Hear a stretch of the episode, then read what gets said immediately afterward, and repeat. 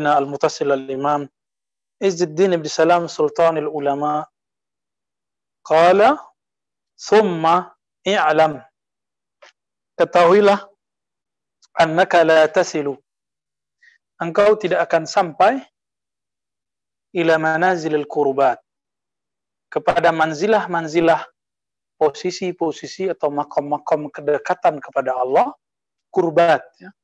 hatta taqta'a sita aqabat. Sehingga engkau bisa melewati enam hijab. Enam hijab. Mirip-mirip kayak di Khutmul Aulia beda-beda tipisnya. Coba antum melihat ini boleh dicatat nih siapa yang bisa nyatat nih? Buya Zulfikar boleh dong bantu. Ya. Berkah. Barakallahu fi yadaik ya. Siapa tahu di sini bisa melewati kan.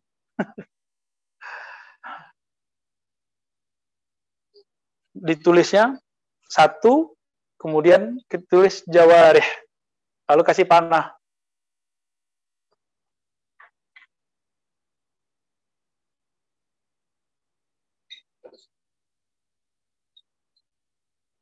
Jadi yang pertama adalah hijab apa? hijab maksiat. Itu mukhalafat asyariyah. Nah, di mana itu adanya di jawarih. Maka yang pertama al-jawarih yang akan dihadapi adalah maksiat. Mukhalafatu asyariyah. Tapi ada nggak kita yang terjamin dari maksiat? Nggak ada. Maka untuk menyelesaikan ini bukan berarti kita terjaga dari maksiat, gak mungkin. Kita kan manusia biasa, pasti maksiat lagi. Sekarang tobat maksiat lagi. Bukan berarti kita niat maksiat, enggak kan? Kita nggak niat maksiat. Tapi kalau terjebak di mana uh, orang ini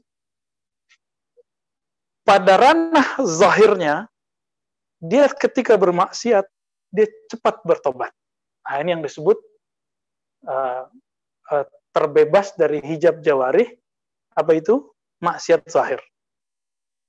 Nah, jadi kalau ditambahin nggak ada di kitab dengan kasih kasih apa ya panah ya du, gini ya itu at-taubah. Nah, mereka ini yang disebut tawabin. Makanya zikir awal dari kita bukan la ilaha Yang pertama apa? Istighfar dulu. Jadi atau mau zikir apa aja, torikot apa aja, kalau nggak mulai istighfar, batal deh. Dia nggak, ya gimana kunciannya nggak dibuka? Tapi ingat, bukan berarti kita maksum. Ya, syukur-syukur mahfuz, Allah lindungi nanti. Gitu ya. Jadi penciriannya di sini satu aja, suka tobat, doyan tobat. Kalau sudah doyan tobat, Allah cinta. Kalau Allah cinta, walaupun seribu maksiat kita Allah jemput Allah yang jemput kita itu yang disebut Inna Allah yuhibbut jangan kunci dari dalam ya. Cinta. Kalau udah cinta siapa yang bisa mengelai cintanya Allah? Nah, semoga kita dengan segala macam maksiat kita Allah terima. Amin ya rabbal alamin. Ya Allah ambil kita dengan cara yang lembut. Amin ya rabbal alamin. Jangan dikunci dari dalam. Aman Sayyidina Umar ketika melihat sahabat Nuaiman. Begitu juga Al-Wahsy. Sahabat Nuaiman, dia bagian dari Ahlul Badar. Benar nggak? Tapi hobinya ngapain? Minum khamar. Tapi di antara sahabat yang sangat, jadi 313 itu pada serius semua. Ada yang suka nangis-nangis, ada yang suka nyanyi. Kalau Nuaiman suka ngebanyak. Maka yang bisa bikin ketawa Nabi cuma Nuaiman. Ketika di masa Sayyidina Umar Amirul Mukminin radhiyallahu taala anhu, orang-orang bilang, "Fajliduhu." Faktuluhu. Jilidlah dia. Udah jilidlah. Udah dijilid kan dipukul ya karena minum khamar. Terus orang-orang nggak sabar, kok masih minum khamar lagi? Apa kata mereka? Faktuluhu, bunuhlah si Nuaiman. Marah Umar. Uskut. Kamu diam. Fa innallaha fa innahu yuhibbullah wa rasulah. Dia itu dalamnya, nah ini yang kita sebut ruh tadi. Ruhnya, chipnya itu cinta Allah dan cinta Rasul, ada nurnya di dalam. Tapi zahirnya maksiat. Maka sebelum akhir hayatnya dia husnul khotimah beberapa saat. Ya, bekas tahun, dua tahun, sebulan, dua bulan kita nggak tahu. Al-Wahsy juga sama. Al-Wahsy kan bunuh Sayyidina Hamzah. Ntar kan Sayyidina Hamzah bingung tuh. Waktu masuk ke dalam surga, lu, lu ke dalam. ya, nah itulah yang disebut dalam hadis. Allah tersenyum. Ketika melihat Al-Qatil Maktul bareng-bareng di surga, itu Nabi lagi cerita tentang Sayyidina Hamzah sebenarnya. Atau sahabat-sahabat Al-Badr eh, yang kemudian mereka ter, apa sahabat-sahabat Uhud yang terbunuh. Siapa yang bunuh? Khalid bin Walid kan yang bunuh Khalid Walid. Terus mereka lihat loh Khalid kok jadi pemimpin pemuda-pemuda surga juga gitu. Ya salah satu komandannya kan Sayyidina Khalid. Nah itu itu urusan Allah. Kita nggak ada urusan. Urusan kita usaha menyebut hidayah. Selebihnya kita pulangkan kepada Allah. Itu urusan hembusannya Ya, di sini kita kemudian yang ditanyakan al khauf tadi, adakah wali itu punya khauf di kitab Khatimul Aulia? Ada. Takut kalau suul khatimah itu dia. Maka mereka selalu minta husnul khatimah. Jadi walaupun antum ngajinya udah sekeren ini, tetap kita minta ya Allah beri kami husnul khatimah. Ya, karena kita nggak tahu masa depan gimana nanti ya. Besok tahu maksiat terbesar yang antum lakukan kita nggak tahu. Selama nggak syirik Allah jemput. Ya. Nah, yang kedua, hijab kedua apa? Nafs. Nah, ini nih. Tadi kalimatnya apa tadi? Jawarih ya, hijab zahir. Kebanyakan orang di sini juga nggak beres. Ya. Nah, hijab di, eh, di jawarih itu intinya tadi apa? Jangan ketipu sama penampilan zahir. Itu intinya, maka ada tobat. Ah, saya suka kalimatnya Syekh Ali Jaber itu aja tuh tuh. Itu semua kalamnya yang saya suka cuma satu. Jangan benci dulu sama maksiat, sama orang yang buka aurat. Siapa tahu dia punya dua rakaat tahajud. Dua ente sahih deh, insya Allah ya. Cuma masalah fatwa dia setiap tahun kemudian beredar. Ya, urus klater, tanggung jawab di akhirat, tanggung jawab di alam barzah. Itu kan urusan dia. Kenapa berfatwa sembarangan? Padahal dia bukan mufti. Tapi ala kulihal ya Allah pasti beri syafaat dari ahlul Quran kan. Baik, yang kedua nafs ya. Apa itu yang akan terjadi pada dirinya? Yang kita sebut syahwat. Kalau bahasa kitabnya ma'lufatil adiyah. Yaitu syahwat. Ini bahasanya kita udah mudahin ya. Jadi hijabnya nas adalah keinginan-keinginan. Kalau bahasa kita ma'lufatil adiyah, kebiasaan-kebiasaan yang kita suka. Nah, ini ini bahaya nih teman-teman, hati-hati. Syahwat mata, masuk nonton, kita kan senang nonton semua, termasuk saya. Ya kan? Kita senang lihat yang yang bagus-bagus, yang bening-bening, sama semua. Nah, ini hijab hijab mata ini udah. Ya uh, keinginan untuk melihat itu, nah, dia dia udah masuk ke nafs. Itu versi yang rendahannya. Ada yang agak menengah dikit. Pengen jadi orang hebat. Pengen jadi dokter. Nah, itu nafs juga tuh. Pengen jadi magister, jadi Sidi Musa. agak lebih soft dikit. Bab nur, kalau tadi zulmat sama dunia.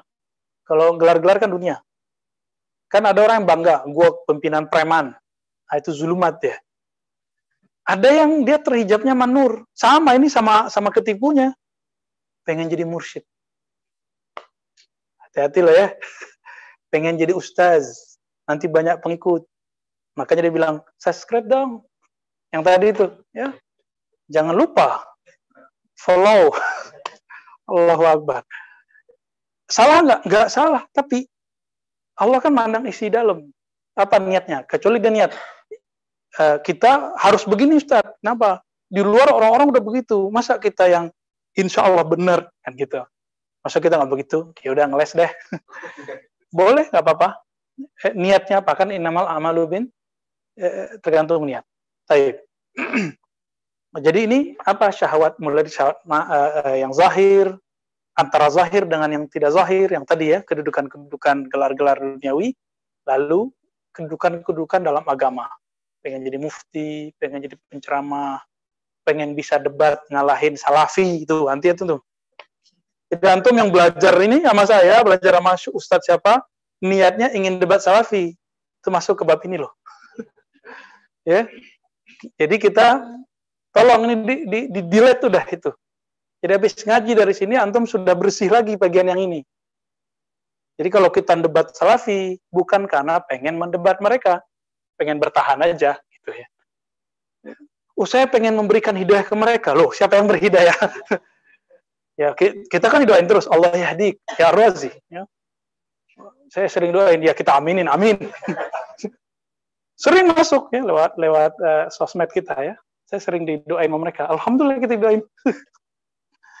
Marah nggak? Enggak. Ditakut-takutin. Ente dihisap nanti. Kenapa? Ente berani kritik Syekh Soleh Fauzan. Loh, emang nggak boleh kritik Syekh Soleh? Emang dia nabi? Ente berani kritik Albani, ente siapa? Ya saya Ar-Razi. ya. Emang nggak boleh? Dia boleh ngeritik Nawawi, dia boleh ngeritik ya, Imam Imam Syafi'i dikritik. Wah, disembelih nanti Imam Syafi'i itu. ya imam-imam kita dikritik. Nauzubillah min dzalik ya. Nah, jadi kita berlatih, saya pun berlatih, antum berlatih ya, biar bisa ngelewatin ini. Sesaat kita bisa ngelewatin, yang penting pindah dulu, baru masuk ke kolbu. Itu sebabnya antum nggak pernah bisa khusyuk karena dua hijab ini belum lewat. Kenapa di sini kita belajar zikir zahir, baca rotib, nah itu mainnya di jawarih. Nafs juga nahan capek kan? Ya. Jadi ada orang bilang ke saya, antum mah kebanyakan wirid di, di, di ribat.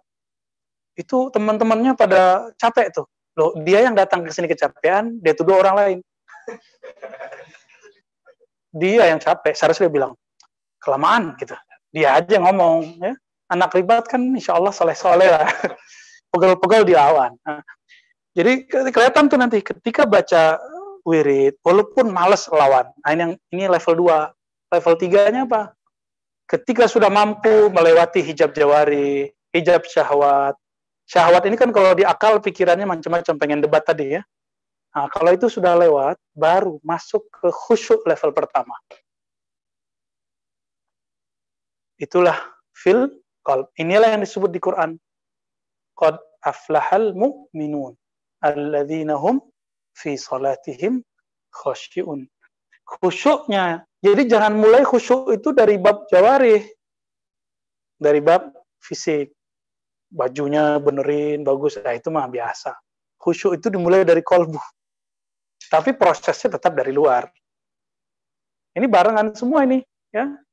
Kemudian nafs. Mencoba ngelawan. Maka antum coba rasakan.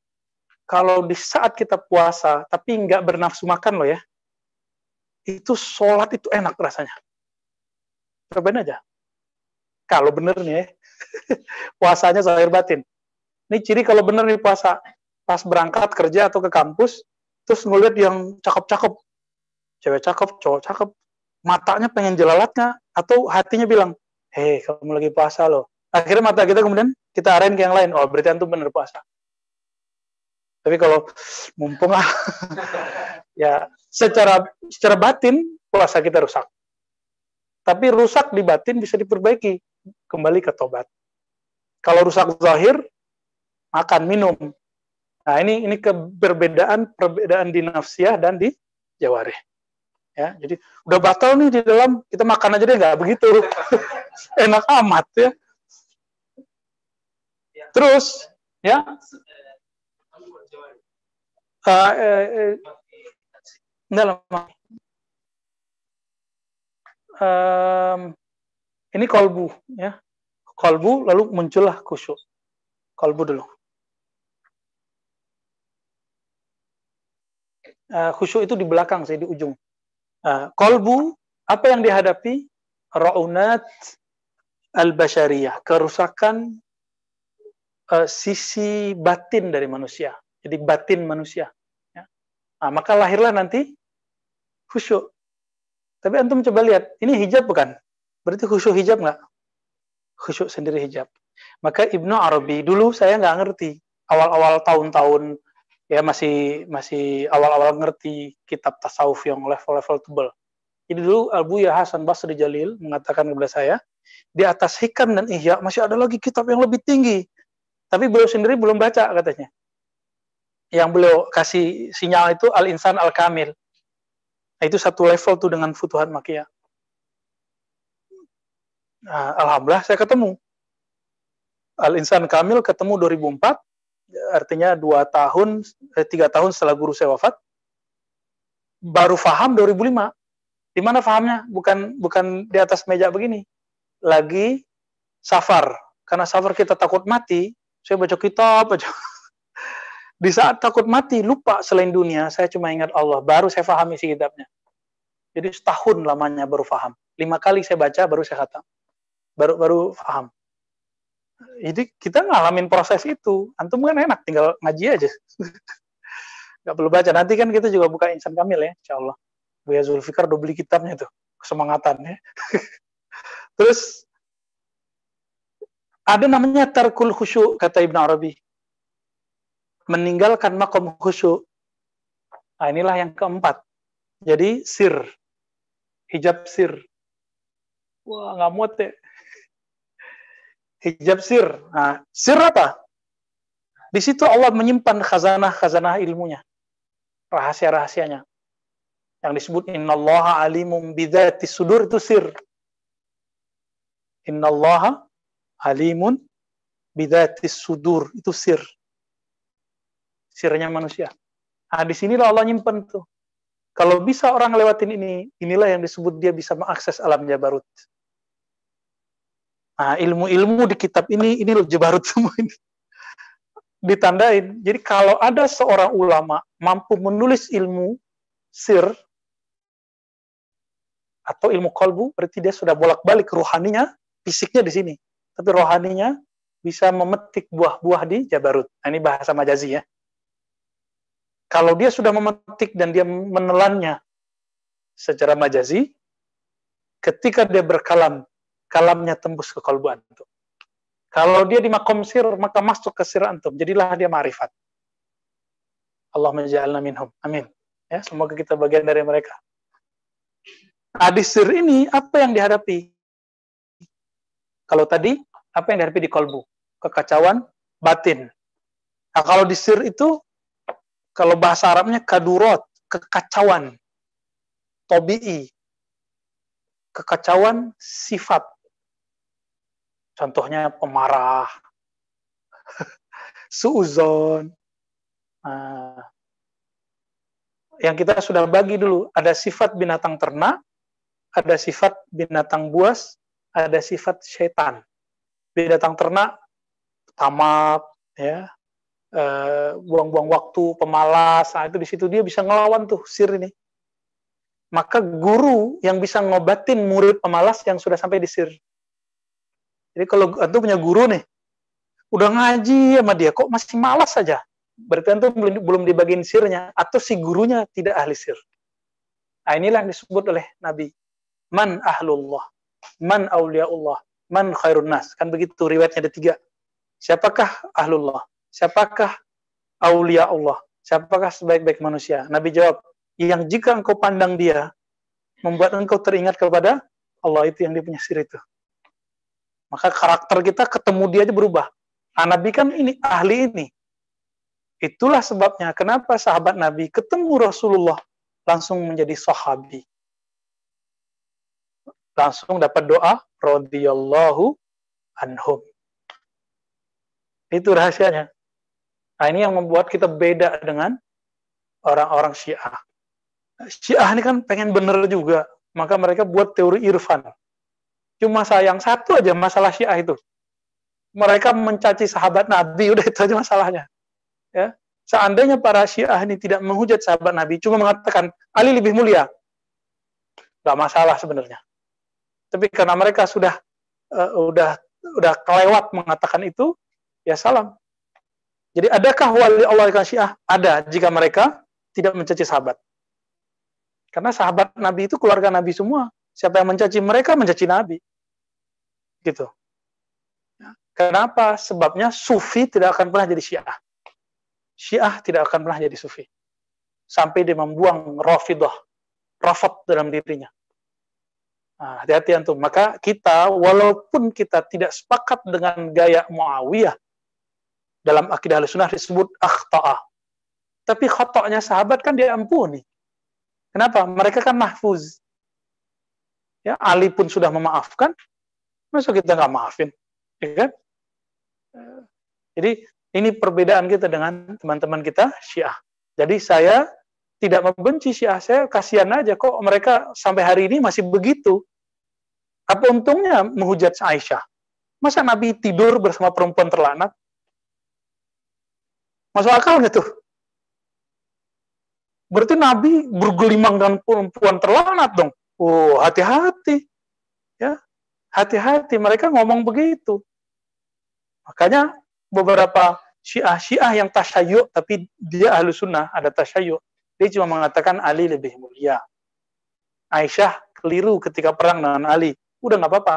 Tapi jangan bilang Aisyah fahisyah. Aisyah adalah uh, perempuan uh, keji gitu. Jangan jangan ngomong begitu ya. Jadi kalau ada orang nuduh kita Syiah, antum sedih ya? ya? Gak usah sedih, balas aja. Emang Syiah begini ngajinya? Jawab aja. Emang ada Syiah ngomong Umar radhiyallahu anhu? Emang ada Syiah ngomong Sayyidina Umar? Ente takiyah. Takiyah nggak akan begitu. Kitab-kitab kita semua kitab al-sunnah kok. Maka kalau beda, jadi dia punya rumus orang-orang yang yang mukhalafah dengan ahlu sunnah yang hakiki, yang beda sama dia dituduh dua aja. Syiah kalau nggak liberal. Gitu. Jadi saya kalau nggak dituduh Syiah, dituduhnya apa? Sama, Buya Zulfikar bakal dituduh begitu. Jangannya udah kali. Dituduh Syiah kalau nggak dituduh liberal. Kena virusnya Ar-Razi. Emang aneh punya virus ya? Kita buat ya Ar-Razi COVID-19. Ya, sembarangan aja mereka ya. Nasir ini teman-teman uh, itu mainnya di ma'rifat. Kalau nafs itu obatnya nanti pakai zikir lataif. Yang itu nafs itu. Itu obatnya apa? Zikir khofi lataif. Zikir khofi di latifah, latifah.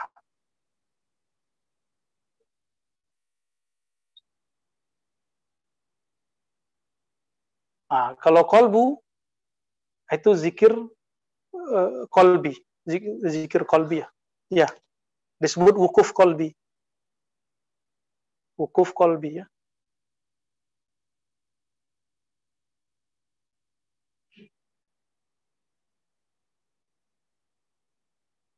Asir ini bisa dengan tahlil. La ilaha illallah. Tapi ada metode yang lebih cepat. Kalau tahlil kan kebanyakan ntar.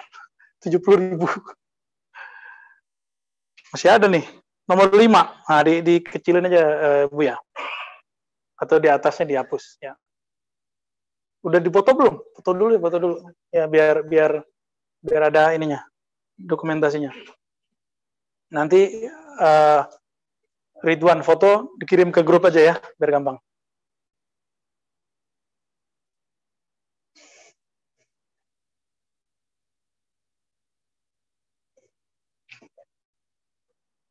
Oke. Nomor berapa nih? Nomor 5.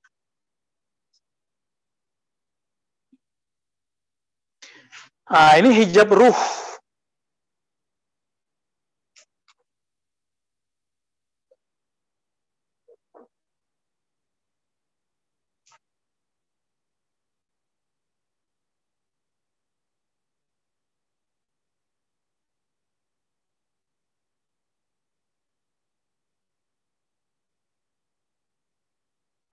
Ruh itu cuma maunya menghadap. Menghadap Allah. Maka hijabnya apa?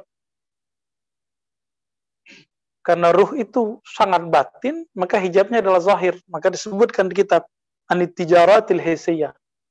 Dari aktivitas-aktivitas zahir. Jadi balik lagi ke zahir. Jadi hijabnya ruh adalah hissi. Urusan-urusan hissi. Nah inilah sebabnya kenapa uh, masyaikh-masyaikh kita yang masih hidup itu walaupun dia bisa mendoakan kita tapi dia masih sibuk dengan urusan yang hissi sakit lah ya. Urusan rezeki lah yang tadi kita cerita. Uh, urusan rumah tangga ya. Guru saya ada yang tiga kali nikah loh. Bukan istrinya tiga. Tolak. Ada. Tapi ada yang juga kebanyakan nikahnya istrinya empat, sukses semua ada juga. Ada yang sampai meninggal atu gitu. Tapi kita pernah ngeliat mereka tengkar, ada. Saya pernah ngeliat mereka tengkar, biasa itu. Sayyidina Umar, masih ingat kisahnya?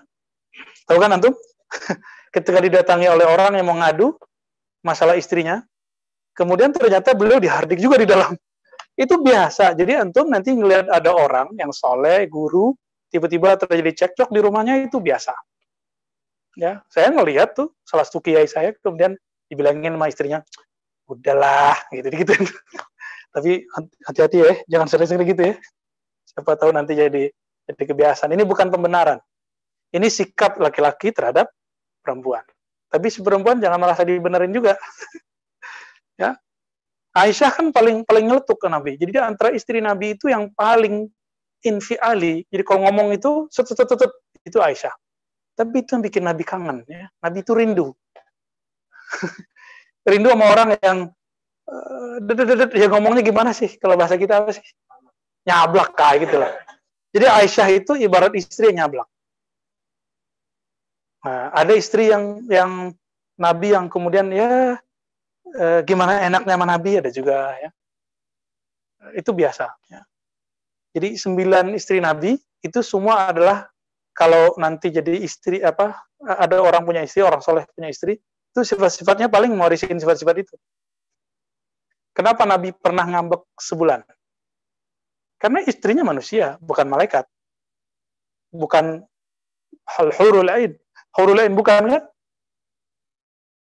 Maka hurul ain itu marah sekali sama istri-istri yang bikin suaminya sedih. Apa kata hurul ain? Eh kalian, ini kita udah ngantri nih. kalian bikin sedih. Tuh, kayak gitu juga modelnya. Taib. Yang terakhir, ah, jadi walaupun sudah puncak-puncak-puncak, kayak balik lagi ke hijab akal. Jadi antum udah kadang-kadang udah ngalamin macam-macam, tapi karena manhaj akliyahnya tidak sahih, akhirnya apa reject, menolak. Pengalamannya dia tolak, pemahaman pemahaman yang dia dapat dia tolak, masa sih gitu, masa sih? Oh paling juga Mahdi masih lama, akal. Kenapa Abu Abu Jahal Abu Lahab nggak terima? Dia nggak sukses di akal ini paling inti. Ya, akalnya tuh banyak. Nah, maka hijab akliyah ada hijab paling berat. Hijab akliyah paling berat. Orang kafir ya dengan akalnya, orang beriman dengan akalnya. Nah, jadi jangan senang dulu kalau punya akal. Banyak nggak profesor doktor, tapi sampai sekarang walaupun dia doktor profesor tasawuf, tapi sampai sekarang nggak bertorekot. Banyak nggak? Banyak. Kenapa? Kata Imam Surawardi, ya jelas sekali kalamnya. Dan itu yang kita rasakan. Sama. Bahwa hidayah itu jatuh ke kolbu, sedangkan ilmu jatuh ke akal. Jadi hijabnya akal apa? Al-ilmu. Hati-hati.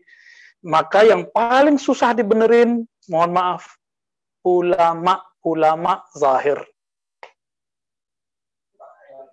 Ya, khayali aklinya tinggi dia merasa ah, itulah yang terjadi pada Azazil. Azazil kan hebat di situ. Azazil itu ahli ma'rifat, ahli akal dia. Jadi antum yang lagi menempuh perkuliahan, lagi ngaji kitab apa dengan seorang syekh, uh, coba niatkan ingin mempelajari ilmu mengenal Allah. Maka nanti akan muncul kerendahan hati, kerendahan hati, kerendahan hati terus begitu. Tapi kalau diniatkan liyubahi bihi sufaha ya waliyumari bihi ulama untuk mendebat orang bodoh untuk bergagahan uh, liyubahi bihi ulama uyumari bihi sufaha kebalik ya. Mendebat orang bodoh bergagah-gagahan di depan orang alim ya lam yashum raihatal jannah. Nggak bisa mencium bau surga. Bau surga itu sudah bisa dicium semenjak orang di sini. Yang Nabi sebut idza marartum biradil jannah fartau. Kalau kamu lewat di kebun-kebun surga, mampirlah. Maka coba lihat, mana profesor doktor yang masih mau datang ke majelis ahli torikot. Ahli sufi, ahli zikir. Yang ada malah ngejek. Ya kan? Malah ngejek. Oh, zikir kok malah gitu-gitu ya. Dia lupa ya, ma'rifat itu nggak bisa didapat dengan mengetik dan membaca. Itu ilmu. Ilmu bisa didapat dengan membaca, dengan mengetik. Tapi ma'rifat La yani, eh, bi ghairi dhalik. Itu dengan apa? Harus ngelewatin ini. Nah, kalau lewat ini, baru orangnya jadi wali. Gitu. Baru dia sebut awal dari kewalian ini dia. Ini baru awal loh ya. jadi banyak lah orang jadi kadang-kadang baru sampai level kolbu udah jadi mursyid.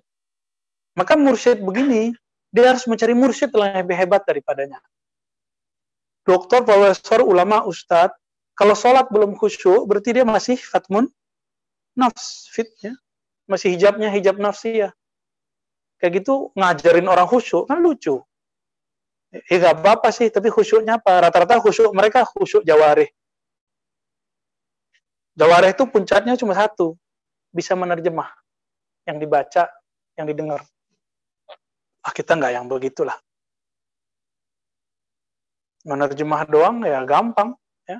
Orang Arab lahir-lahir udah bisa paham kan? Nggak perlu nerjemah. Apakah mereka khusyuk? Enggak. Nah, nah, untuk menembus ini semua, ini yang disebut dengan torikoh. Isinya torikoh adalah riadah. Setiap riadah kan tadi ada ya? Ada zikirnya kan? Nah itu dia, kurikulumnya ada. Jadi untuk menembusnya apa? Limumururi bihadhil hujub kulliha, atau li raf'i hadhil hujub kulliha, fa'ala salik ayyattakhidha syaikhan fit tariq ya. Jadi seorang salik harus berguru untuk menempuh jalan itu. Nanti ada jalur pintasnya sama guru, nggak perlu lewat 5 dan 6 7 itu. Makanya kalau di, dikasih interval coba masing-masing 40 hari itu hitung aja. Gempor kita, ya. Tapi sama ahlinya semalam bisa beres. Ya, dia dia tiga balik. Itu bisa dibalik loh. Dia mulai dari mana? Akal. Ah, inilah kajian kita malam ini. Kajian kita malam ini, kita membaliknya. Kita mulai kajian ma'rifatullah dulu, baru nanti riadohnya. Biar nanti antum kalau zikir itu nggak terlalu merasa berat. Jadi jelas saya zikir itu niatnya mau ngapain gitu. Kalau kalau nggak kayak orang dulu, orang dulu gimana? Begitu kata guru saya. Nah, gitu kan? Maka mursyid-mursyid kita generasi sebelum kita, mohon maaf, emang mereka begitu. Jadi jangan antum ejek mereka. Mereka emang nggak dijelaskan ma'rifatnya. Tapi di dalam diri mereka ada. Tidak bisa menjelaskannya, karena masih dalam berupa sir. Kalau sir gimana bahasain? Kayak orang jatuh cinta, tapi gimana cara mau ceritain gitu? ya, jadi setinggi-tinggi makrifat tetap ujungnya nanti ibaroh akliyahnya sahih atau tidak. Jika fizallat, oh, syaitani. Jadi kalau ada tergelincir sedikit, setan. Gitu ya. ada berapa nih yang hadir nih? Oh, yang ikhwannya berapa nih? Cuma segini aja udah gak muat gitu ya. Kem next time يعني في التالي نستعمل كشف الحضور لكي نعرف موجود كم ada ada ada 20 nih 25 25 ini berapa nih akhwat 15 10 11 oke okay. 3 40 ya 25 oke okay. 36 ya udah gak muat ya. Kalau nanti deh kita. Baik. Uh, inilah teman-teman yang dilewati oleh semua wali-wali dari dulu sampai zaman mursyid-mursyid kita itu. Ya. Abdul Hasan Ash'ari berguru kepada Imam Junaid dan Imam Ruwaim. 20 tahun beliau sholat isya sama subuh satu wudhu. Tidur nggak? Pantesan jadi Imam Abdul Hasan Ash'ari. Imam Junaid juga sama. Ya, Imam Sari Sakti istighfar karena dulu baca alhamdulillah 30 tahun. Jadi dia baca alhamdulillah tidak pada tempatnya. Dia baca alhamdulillah ketika rukonya nggak kebakar, semua ruko orang kebakar. punya perasaan gak itu? Nah, ini yang disebut raunatil basyariyah. Itu mana tadi itu? Raunatil basyariyah. Sir ya? Kolb. Nah, kolbunya bermasalah itu. Walaupun di nafsiyahnya benar nggak? Di nafsnya benar. Ya. Dia masih bersyukur, Alhamdulillah, kok saya nggak masalah gitu ya. Yang lain pun kebakar, gua nggak. Lu merasa, wih karomah nih. Ya. Tapi kolbunya ternyata ada masalah. Beliau mengistighfarkan dosa kolbu itu 30 tahun. Ini astagfirullah min qawli alhamdulillah salasina sana. Kata Imam Sari Sakti. Saya pikir-pikir berapa kali kita salah dari dulu ya. Mulai dari salah zohir sampai salah batin. Maka teman-teman gak mungkin kita ngejar amal mereka. Maka harus kita balik. Bukan mulai dari jawarih. Kita mulai dari maka beberapa kiai kan sampai sekarang masih ada yang ketat. Kalau mau berguru sama dia puasa dulu 40 hari. Kuat antum begitu. Syukur-syukur masih hidup. Ya. Masuk ke hutan. Ya aduh. Itu dahsyat ya. Jadi kalau ada yang masih mempertahankan, kita katakan antum hebat. Tapi ini akhir zaman, kita harus balik. Rukhsah. Nabi, periode Makiyah itu zaman menyebar ilmu-ilmu rahasia. Maka Nabi tidak berkhalwat di masjid. Ya kan? Di mana Nabi khalwat? Gohiro. Gitu. Supaya jadi beliau biarlah beliau yang mengalami itu. Nanti umatnya nggak usah. Jadi beliau menumpukan semua beban-beban riyadhah itu kepada dirinya, sedangkan sahabat cukup mandangnya bersama beliau, maka disebutlah sahabi. Sahabi itu dengan membersamai guru, berjuang sama guru, berkorban sama guru.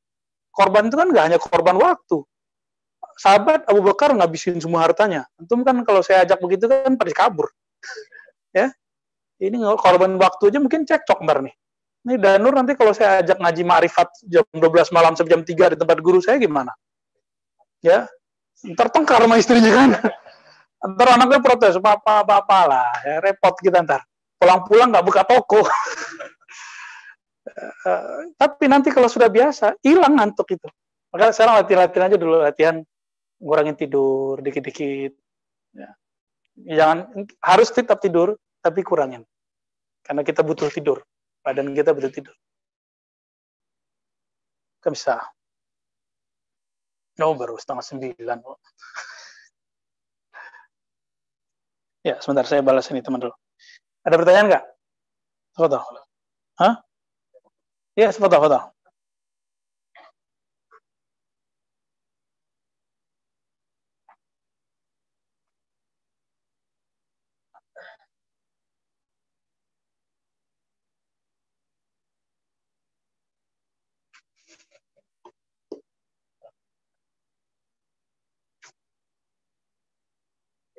Ya, betul. Kita isyaknya telat kan? Ini juga telat, jadi mundur. Ntar jam 9 lah beres. Insya Allah, ya fadal. Ada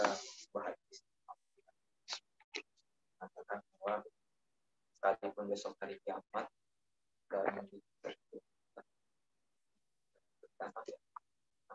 hmm. Zaman sekarang. Ya, itu itu secara harfiah. Secara harfiah bahwa kita harus punya pesimis, apa optimis, optimis dalam hidup. Optimis itu walaupun besok kiamat kita harus punya semangat hidup.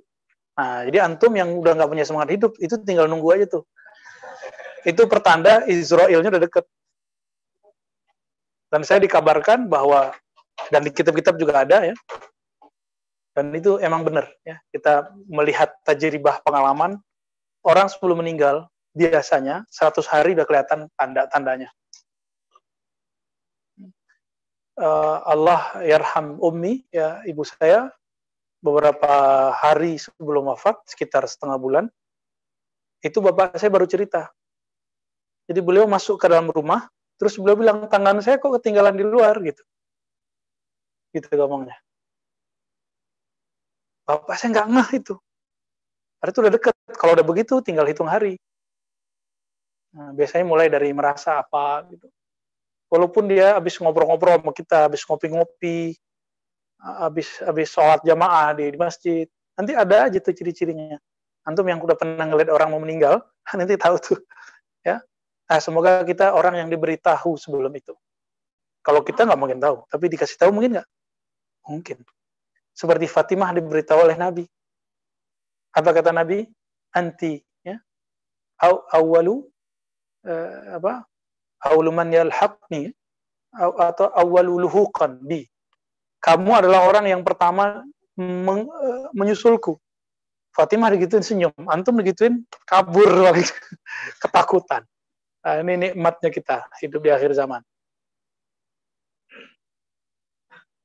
Ya, orang-orang yang kayak Sriwijaya Air ya, semoga Allah ya, mengampuni mereka ya. Kita kirimlah Al-Fatihah untuk mereka yang yang wafat di sama pesawat Sriwijaya Air itu ya. Al-Fatihah. Alhamdulillah.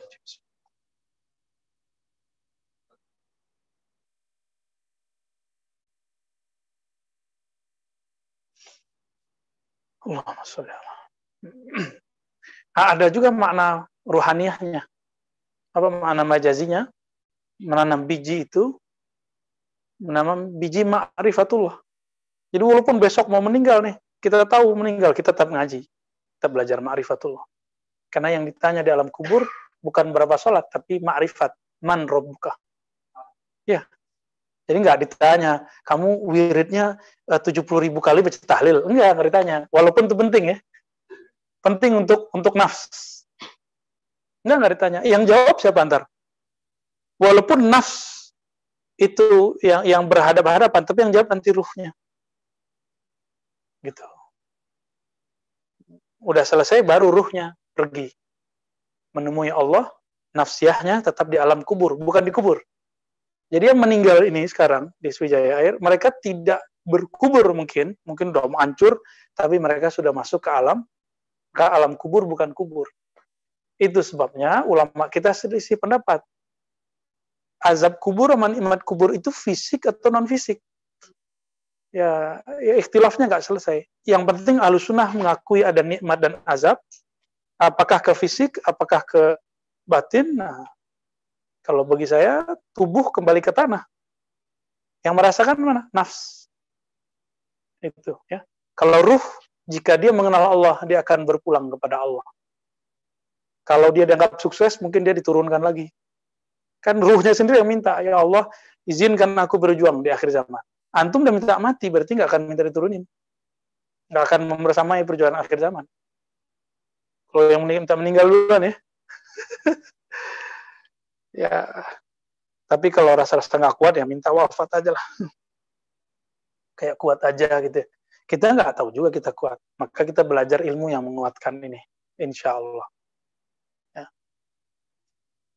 Eh, kenapa al-kahfi surat al-kahfi itu intinya di ayat terakhir wala yushrik bi ibadatihi bi ibadati rabbih ahada jangan siapa yang berharap bertemu Allah nah, itu ma'rifat kan? Ruh itu. Wa yarju liqa rabbih falyamal amalan salih. Maka beramal amal yang saleh. Terus wala yusyrik bi ibadati rabbih abada. Gabungan zahir dan batin. Syirik itu di batin. Ya di batin. Berarti ma'rifat. Jadi saya menerjemahkan wala yusyrik bi ibadati rabbih abada. Hendaklah ahada ya. Wala yusyrik bi ibadati ibadah bisa berarti ma'rifah. Seperti tafsir Ibn Abbas.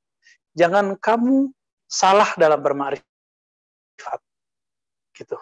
Ya, sedikit pun jangan salah maka ilmu kalam itu cuma pengantar ke ilmu ini. Ilmu kalam bukan ilmu segala-galanya. Jadi ilmu kalam itu cuma obat. Kalau antum udah terkena tajsim sama taktil tajsim terjadi pada kelompok mujassim mujassima ya sekarang ya sebagian sebagian salafi kena. Bukan semua ya.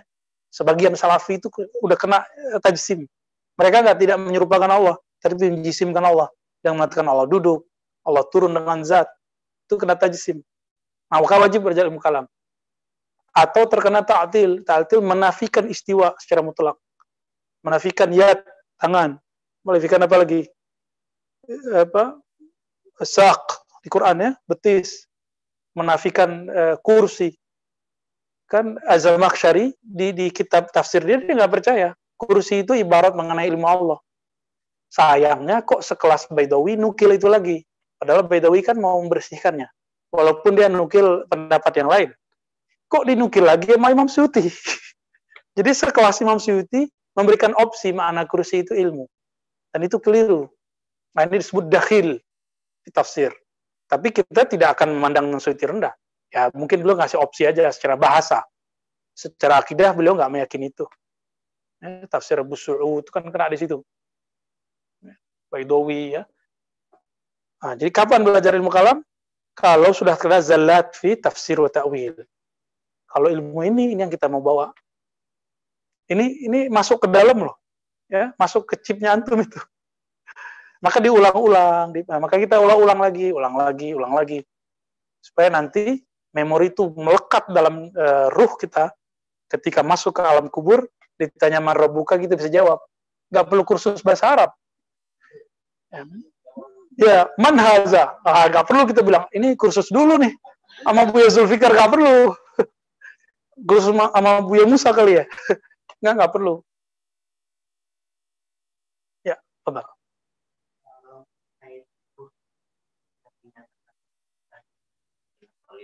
Iya. Yeah.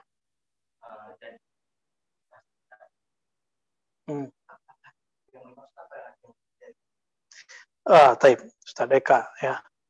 Apakah kajian ruh itu terbatas pada arruh yang ditulis oleh Imam Ibnu Qayyim? Sebagian iya. Tapi yang disebutkan Ibnu Qayyim itu lebih banyak berurusan kepada bab akidah sama bab fikih. Dan dominan 70% fikih. Gimana hukum uh, baca Fatihah nyampe nggak ke ruh? Gitu kalau versi kita bukan sampai ke ruh, sampai ke nafs. Karena ruh gak butuh kiriman fatihah antum. Ruh butuh makna fatihah.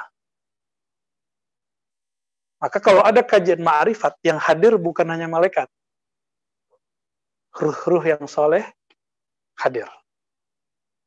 Tapi kalau zikir, kajian-kajian ceramah umum, itu yang hadir cuma malaikat. Hadir mereka. Hafat bihimul malaika kan hadis kita hadis muslim. Malaikat menghubungi mereka. Tapi kalau kajian makrifat itu menghadiri arwah-arwah yang suci ya semoga kita disucikan Allah lah ya amin. Gitu Ustaz. Nah tapi Ibnu Qayyim sudah diberi kulu-kulunya beberapa. Dia menyebut uh, apa semacam hierarki ruh ada tujuh gitu. Dia ada nyebutin itu. Ada berapa gitu saya saya uh, lupa ya. Artinya Ibnu Qayyim emang di akhir hayatnya menjadi wali beliau.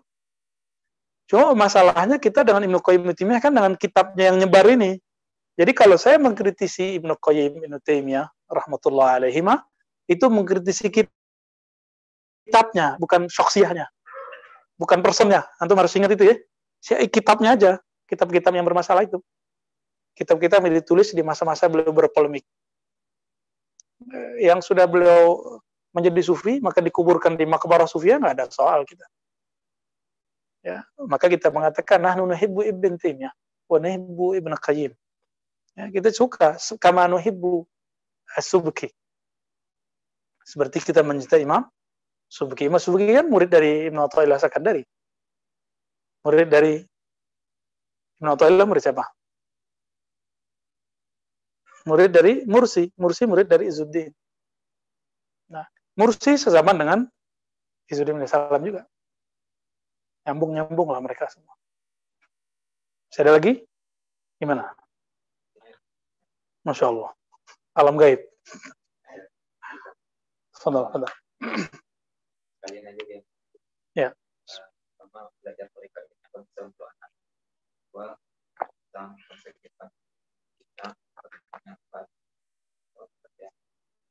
kemudian uh, untuk pengaruh cara mendapatkannya dan terakhir uh, marifatullah cara awal-awal mencapai hmm,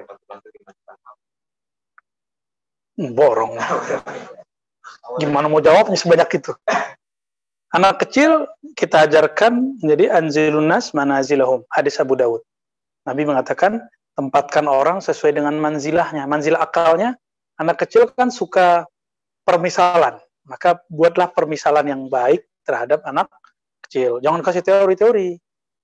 anak kecil tuh suka kisah, maka berceritalah tentang kisah-kisah.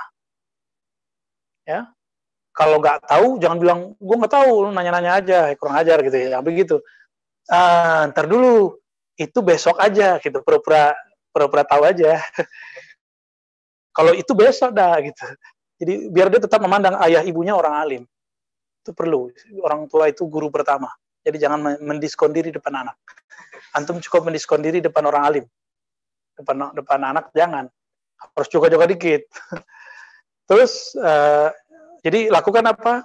Permisalan yang baik dan cerita. Jadi caranya bacalah kisah-kisah sahabat Nabi, ceritakan itu. Cuma itu. Jadi buku-buku kisah para sahabat, kisah para nabi itu menurut saya sudah wajib untuk orang berkeluarga atau orang yang punya murid anak-anak. Jadi antum di mau nutup pengajian, ngajar, ah, kemudian cerita. Anak-anak itu bosen loh belajar ikro, kiroati, tilawati itu bosen.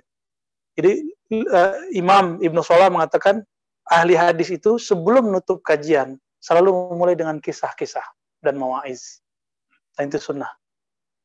Nah, supaya nggak monoton. Nah, coba pakai itu deh. Nanti dia rindu sama kita. Nanti pulangnya uh, dan Nur itu dirundukan. Bapakku Ustadz. itu cerita bagus gitu. Yang kedua tentang irfan. Irfan itu sama dengan marifat. Istilah ini istilah Arab, ketemu di teks Sufi, ketemu di teks Syiah. Ada nggak titik temunya? Titik temunya di tujuannya, tapi berbeda di torikohnya. Karena torikohnya berbeda, maka hasilnya berbeda. Torikohnya Irfan Syiah itu mukhtalit bil falsafah, bercampur dengan falsafah ini bisa kita buktikan dengan kitab Mula Sabra. Yang ya saya termasuk penikmat kitab itu Al-Hikmah Al-Muta'aliyah. Hikmah yang luhur. Hikmah yang luhur. Itu kitab ajib. Cuma di dalamnya isinya apa? Rot, rot, rot, rot. Kayak kitab filsafat makalam campur. Filsafat kalam. Filsafat itu kan isinya berteori. Kalam itu isinya mengkritisi. Nah, di dalamnya isinya teori, kritik, kritik. Tapi yang diteorikan ilmu ma'rifat. Nah, ilmu ma'rifat itu kan toriknya cuma zauk. Intuisi. Ketika diteorikan, dia kemudian menjadi akli. Teori lagi. Gitu. Ya, lihat aja kitab al hikmah Dia kritik, yang paling sering dikritik itu mbahnya, nama saya, bukan mbahnya saya ya. Imam Fakhruddin Ar-Razi itu paling gemar itu itu kalau di, dilihat mungkin udah bonyok kali Imam Furur Razi. Tapi kalau Imam Furur Razi hidup, mungkin ya habis lagi dia. Ya. Karena Imam Fakhruddin Ar-Razi membuat standar orang tidak boleh nulis ilmu mantik, ilmu kalam, ilmu usul fikih sampai dia selesai dalam beberapa manhaj ilmu mantik. Maka orang nggak bisa masuk ke Imam Fakhruddin Ar-Razi. Masuk lewat A dibalas dengan apa? Balasannya itu bertubi-tubi. Imam Fakhruddin Ar-Razi kalau ngikutin versi beliau, kita ini nggak ada yang mau sandar pun. Ya, antum itu belum boleh belajar filsafat versi Imam Fakhruddin Ar-Razi. Ibarat tuh. Belum boleh belajar ilmu ilmu uh, filsafat, ilmu kalam, ilmu mantik sampai beres tuh alat-alat mantiknya sama beliau. Nah, itu kan kalau kita ngikutin kan repot juga. Ya, nggak usah kita kultuskan ilmu ini, kita ambil aja yang mudah-mudahnya orang pinter itu bukan yang mempersulit persoalan, tapi yang mempermudah persoalan. Seharusnya dipelajarinya 100, cukup 5 kan keren tuh. ya. Seharusnya ya uh, dia harus riadoh dulu sekian tahun, ya cukup berapa hari bisa. Dulu orang satu zikir Ismul Jalalah Allah Allah itu lima tahun. Karena antum cuma 40 hari. Barang kadang 10 hari udah beres. ya, tergantung. Jadi ada nggak titik temunya? Ada, tujuannya sama, ingin mengenal Allah. Bedanya apa? Sesekali Mullah Sadra menyebutkan, ya, tidak faham ini kecuali dengan zauk. Nah, jadi dia, dia kasih kuncian. Tapi kok bercampur lagi? Maka zauknya dia tetap, tetap zauk akli. Belum zauk kolbi apalagi ruhi. Itu sebabnya di Syiah tidak ada torikot riadoh seperti riadoh sufi. Atas dasar ini, tidak ada syiah yang bertasawuf. Tasawuf miliknya ahlus sunnah. Maka inilah kekeliruan besar salafi yang menganggap salah, uh, sufi itu bagian dari syiah. Itu keliru besar. Ini rata-rata orang nggak ngerti ngomong itu. Seperti Nicholson mengatakan sufi itu bagian dari Buddha, dari dari Kristen. Kan Nicholson dulu ngomong begitu. Birmingham. Ya. Uh, kalau Nicholson apa bukunya tuh? Islamic Mysticism ya, kalau nggak salah ya. Baca-bacaan zaman-zaman lagi senang-senang filsafat tuh ya. Uh, Nicholson, itu kemudian dia punya murid di Mesir namanya Abu Ala al-Afifi. Dia kemudian senang Ibn Arabi. Tapi dia bilang, yang ngajarin saya Nicholson, ya salam maka ver, Ibnu Arabi versi dia itu bukan versi Zauki, lebih kepada Akliyah 11-12 sama Syiah. Inilah yang dimaksud oleh teman-teman saya. Sekarang filsafat masih berkembang di kalangan Syiah, iya. Di kita juga ada. Tapi filsafat versi mereka itu masih lebih serius. Yang saya sering cerita, Said eh, apa? Haidar eh, Kamal Al-Haidari itu sekali ngajar di di hauzah beliau di depannya ada 20 kitab. Kapan dia bacanya? Dia ngajar mulu. Cepat cara bacanya. Jadi dia kemudian kita ngajar udah ditandain semua. Kamu lihat ini, kamu lihat ini. Sesekali lihat deh, tapi jangan jadi jadi ini ya. Jadi pengikut. jadi ada titik temu, ada di tujuan tapi beda di toriko. Mereka masih talfik antara akliyah dan kalbiyah. Tapi akhirnya jadi abu-abu Sedangkan di sufi harus kita menanggalkan hijab akliyah itu. Gitu. Jadi jangan main dari jauh, masuk terjun langsung. Jadi kalau bahasa kasarnya, di syiah masih berteori. Kalau bahasanya ainul yakin. Dia ngeliat nih, oh begini ya. Belum masuk. Kalau di sufi sudah hakul yakin. Dia langsung telan itu rasanya. Dilihat madu, dia teorikanlah madunya begini. Nah itu irfani. Kalau di sufi dia langsung telan, nggak perlu teori. Maka mohon maaf, para sufi kadang lemah dalam mengibaratkan. Ya. Beberapa sufi lemah gak mengibaratkan, kecuali Ibn Arabi. Maka Ibn Arabi walaupun mengkritisi Syiah Imamiyah, itu Mullah Sadra nggak berani ngeritik. Yang kritik Al-Amuli, ahli kalamnya Syiah. Ahli kalam Syiah ini kenceng juga. Haidar Kamali aja bagi bagi salah satu uh, mereka ya Sir Habib dianggap kufur sama dia. Jadi teolog ahli kalamnya Syiah itu lebih gila daripada ahli kalamnya Wahabi dan Asy'ari dalam mengkafir-kafirkan orang ya. Lebih bukan liberal apa ya, lebih saklek. Saklek nggak ketulungan ya. Saya juga nggak habis pikir itu. Tapi giliran mereka yang udah kena mula sadra, oh itu jadi lembut seperti Kamal Al-Haidari. Lembutnya begitu. Antum dengerin deh. Kamal Al-Haidari kalau ngomong meledak-meledak, tapi hatinya ada kelembutan kira-kira begitu. Dia mau insaf. Saya menyebutnya Syiah Munsif. Seperti ada Wahabi Munsif, ahli kalam Ash'ari Munsif, ya itu dia. Apalagi tadi? Waduh, ya tadi kita kasih tahu bahwa uh, orang yang diberi ilmu badai Salah satunya dia mengerti ilmu ruh, nama-nama ruh, bahkan dia punya hak memberi nama ruh. Kalau kita kan enggak. Jadi kalau antum punya guru, lalu dikasih nama, itu nama salik, bukan nama ruh ya, bukan nama nafsiyah. Itu nama nama salik. Itu enggak dibawa ke akhirat tuh enggak. Tapi kalau nanti bertawasul dan itu bisa saya muridnya Syekh Fulan. Nanti malaikatnya mikir-mikir dibuka dulu catatannya. Oh iya ya udah kamu selamat kira-kira begitu. Tapi kalau sudah sama Al-Ghaus dan dikasih nama kamu ini dibuka langsung ketemu sama dia. Dan ilmu itu dibuka setiap masa. Cuma kuotanya di akhir zaman unlimited. Jadi kalau di zaman para wali-wali sebelum akhir zaman, itu mereka dapat jatah sekian ribu, sekian ratus, gitu. Bahkan ada wali-wali kutub tertentu yang dibukai dikit-dikit, makanya dia bisa ngasih nama anaknya. Saya ketemu seorang syarifah, dia dikasih nama oleh ayahandanya, Al-Habib Fulan, saya nggak usah sebut. Ya, Nanti tanya tuh, ceritanya sama Fadil tuh. Loh, ini nama nama nama nafsiyah dia. Nama nafsiyah beda lagi dengan nama ruh. Nama ruh itu nanti lebih dalam lagi. Nah, nafsiyah aja udah, udah beres antum di alam barzah. Halas? Langkah awal mencari Marifatullah. Tergantung Marifatullah yang level mana. Tapi mungkin maksudnya Marifatullah Zauki kali ya. Zauk. Caranya satu. Tanggalkan jubah-jubah kebesaran ilmu akliyat. Ini yang membuat kenapa kiai stagnan di ilmu fikihnya, kenapa mursyid stagnan di ilmu torikotnya, kenapa seorang eh, orang soleh stagnan di kesolehannya, karena dia tidak mau menanggalkan itu. Gua kan, eh, atau mohon maaf, Habib, Syarif, doktor, profesor, itu terhijab oleh gelar-gelar itu. Label itu hati-hati teman-teman. Ya, walaupun antum doktor, profesor, nasabnya Sayyid, Syarif, Sidi, Musa, itu nggak jaminan. Kalau nggak ngaji ya nggak dapat, nggak lahir rohaninya.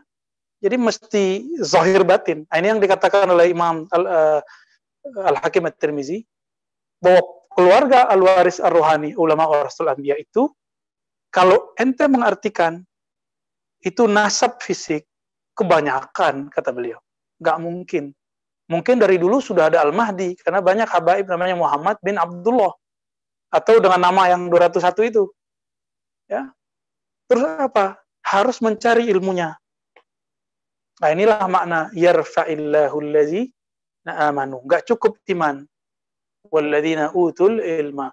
Jadi awalnya kita nyari, tapi intinya utu diberi ilmu tapi ini kan antum banyak nih begini nih. Waktunya sama, kitabnya sama, orangnya sama. Tapi ilmu yang masuk sama nggak? Beda. Ya terima aja udah. ya semoga Allah menjadikan kita ulama warasatul ambia. Jika tidak, semoga Allah jadikan kita pencinta mereka. Karena pencinta al uh, orang yang mencintai almaru ma'aman ahabba. Orang yang mencintai suatu, seseorang dia akan bersamanya. Seperti hadis Allah maja'alna ya Rabbana miman ahabbaka wa ahabba nabiyyaka wa ahabba awliya'ak. Allah marzuqna al-amal alladhi yuballighuna ila hubbik. اللهم طهر قلوبنا عن النفاق. اللهم طهر قلوبنا عن الكفر. اللهم طهر قلوبنا عن كل شر عن كل مرض عن كل كبر وحسد عن كل فسق وعن كل بدعة. آمين يا رب العالمين. وارزقنا يا ربنا رؤية نبيك المصطفى ومعرفتك ومعرفة نبيك. وارزقنا يا ربنا حسن الخاتمة. والجهاد مع خليفة آخر الزمان المهدي عليه السلام. ربنا آتنا في الدنيا حسنة وفي الآخرة حسنة وقنا عذاب النار. رسول الله على سيد المرسلين والحمد رب العالمين. الفاتحة.